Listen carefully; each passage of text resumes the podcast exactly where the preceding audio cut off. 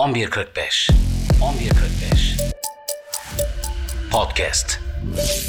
Podcast Ajansı. Merhabalar 11.45'e hoş geldiniz. Ben Yusuf. Bugün size son dönemde Teksas'ta yaşanan gerginliklerden ve bunun nedenlerinden bahsedeceğim. Amerika Birleşik Devletleri iç savaşı mı gidiyor? Ülke bölünebilir mi? Bu soruların sorulmasının bir nedeni var. Çünkü Amerika Birleşik Devletleri'nde Biden yönetimiyle Teksas valisi arasındaki sınır güvenliği tartışması büyümeye başladı. Amerika Birleşik Devletleri'nde başkanlık seçimine doğru tansiyon her geçen gün yükseliyor. 25 eyaletin ayaklandığı Teksas sınır anlaşmazlığı nasıl bir krize neden olacak? ABD seçimlerine 10 ay kala Joe Biden yönetimine bir darbede Teksas'tan geldi. The mayor sued the wrong party. Uh, if, if the mayor really is trying to cut down on the number of illegal immigrants coming into New York, he needs to be suing Joe Biden. Geçtiğimiz günlerde medyaya Amerika'nın Teksas eyaletiyle ilgili haberler düşmeye başladı. Özellikle Türk medyasında Teksas'ta olanlarla ilgili Teksas isyanı, Teksas bağımsız olmak istiyor gibi başlıklar verildi. Ama işin aslı öyle değil. Evet karmaşık ve ciddi bir konu. Amerika'da yaşanan bu gerginliğin temel nedeni Meksika'dan gelen düzensiz göçmenler. Texas valisi Greg Abbott bu düzensiz göçleri engellemek için Meksika-Teksas sınırına dikenli tel çektiriyor. Bunun üzerine Amerika Yüksek Mahkemesi Abbott'ın kararını iptal ediyor. Fakat Teksas valisi iptal kararına rağmen dikenli tel politikasından vazgeçmeyince kriz başlıyor. Dahası Teksas valisi dikenli tel kararında ısrar etmekle kalmıyor. Düzensiz göçmenlerin ABD'ye geçmek için çoğunlukla tercih ettiği Eagle Pass kentine Teksas ulusal muhafızlarını nöbet tutsun diye gönderiyor. Homeland Security yani Amerika İç Güvenlik Bakanlığı defalarca Teksas valisini uyarıyor. Ama Teksas bu konuda geri adım atmıyor. Federal hükümet eyalet hükümetine laf geçiremiyor. Kriz aslında temelde bu. Ama nasıl oluyor da Beyaz Saray Teksas'a laf geçiremiyor? Ve bu neden Amerika kamuoyunda gayet normal karşılanıyor? Bunun için Amerika'nın hükümet sistemini bilmekte fayda var. Geçtiğimiz bölümlerde Amerika'nın seçim sistemini anlatırken hükümet sistemine de değinmiştik. Uzun uzun hükümet sistemini anlatmayacağım ama şu nokta önemli. Amerika federal bir devlet ve federal hükümet ile eyalet hükümetleri arasında bir güç ve yetki paylaşımı söz konusu. Eyaletlerin kendine has hukuk düzenlemeleri, güvenlik önlemleri var. Eyaletler federal hükümetten ayrı kolluk kuvvetlerine sahip. Evet tüm eyaletlerde bu kolluk kuvvetleri federal hükümete de bağlı. Ama bu güçlerin önceliği eyaleti korumak. Eyaletler ile hükümet arasındaki yetki uyuşmazlıkları Amerika'da bazen krize neden olabiliyor. Teksas'taki olay da tam olarak bu. Teksas valisi diyor ki Teksas'ı bu göçlerden korumak Teksas'ın yükümlülüğünde, yetki alanında. Biden ve Homeland Security diyor ki hayır bu federal hükümetin yetki alanında. Sıkıntı burada başlıyor. Ama Teksas ilk defa böyle bir olayla gündeme gelmiyor. Neredeyse her seçim yılında Teksas'ta böyle olaylar oluyor. Meksika'dan gelen yoğun göç dalgası bu dönem bu olayı biraz daha gündem haline getirdi. Cumhuriyetçi kimliğiyle bilinen Texas eyaleti Demokrat Biden hükümetinden ve göç politikalarından rahatsız. Ulusal muhafızların sokağa çıkıp federal hükümetin kararlarını uygulamamasının nedeni de aslında bu Cumhuriyetçi Parti tavrının bir uzantısı. Cumhuriyetçi Valiler Birliği tarafından Biden hükümetine karşı yayınlanan bildiride 25 eyaletin valisi Biden'ı ülkeyi yasa dışı göçlere karşı savunmasız bırakmakla suçluyor. Açıklamada sınırın güvenliğini sağlamak için dikenli tel örgüler de dahil olmak üzere her türlü araç ve stratejiyi kullanma konusunda vali arkadaşımız Greg Abbott ve Texas eyaleti ile dayanışma içerisindeyiz denildi.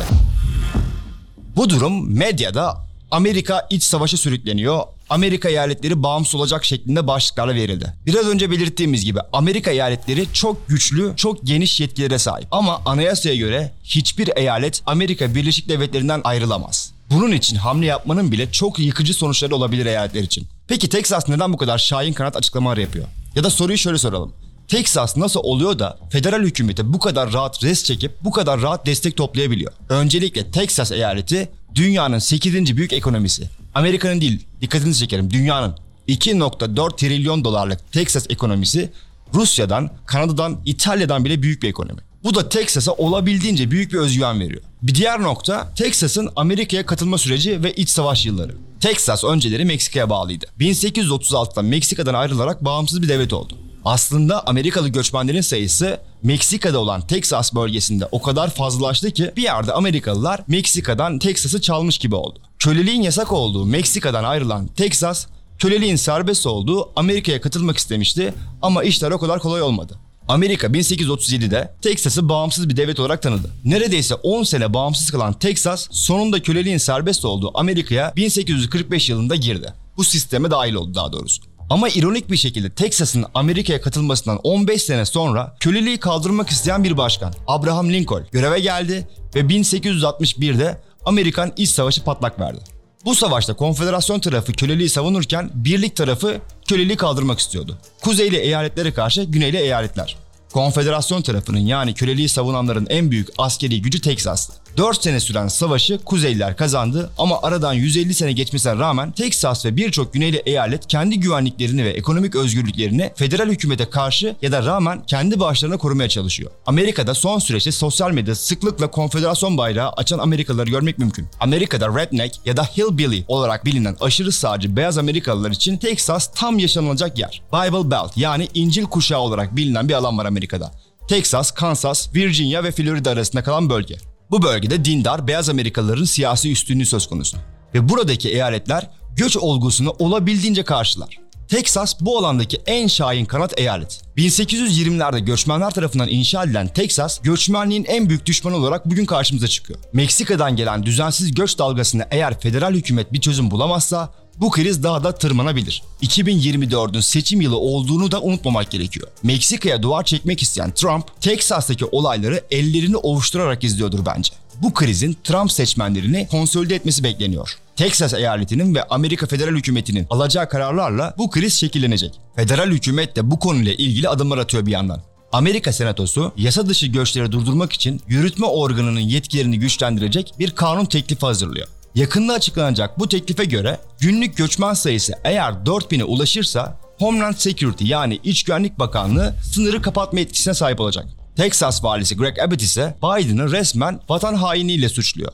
Abbott Biden ile ilgili Amerika'da hukukun üstünlüğüne karşı hiç bu kadar düşmanlık görmemiştim. Biden Amerika'yı yok ediyor. Texas ise kurtarmaya çalışıyor. Şeklinde bir tweet atmıştı. Adalet Bakanlığı ise Abbott'ın eylemlerinden geri dönmemesi halinde çok ciddi göçmen ve insan hakları davalarına maruz kalacağını söylüyor. Bakalım ilerleyen günlerde neler göreceğiz. Peki siz bu konu hakkında ne düşünüyorsunuz? Bir sonraki podcast'te GDH'da görüşmek üzere. 11.45 11.45 Podcast Podcast Ajansı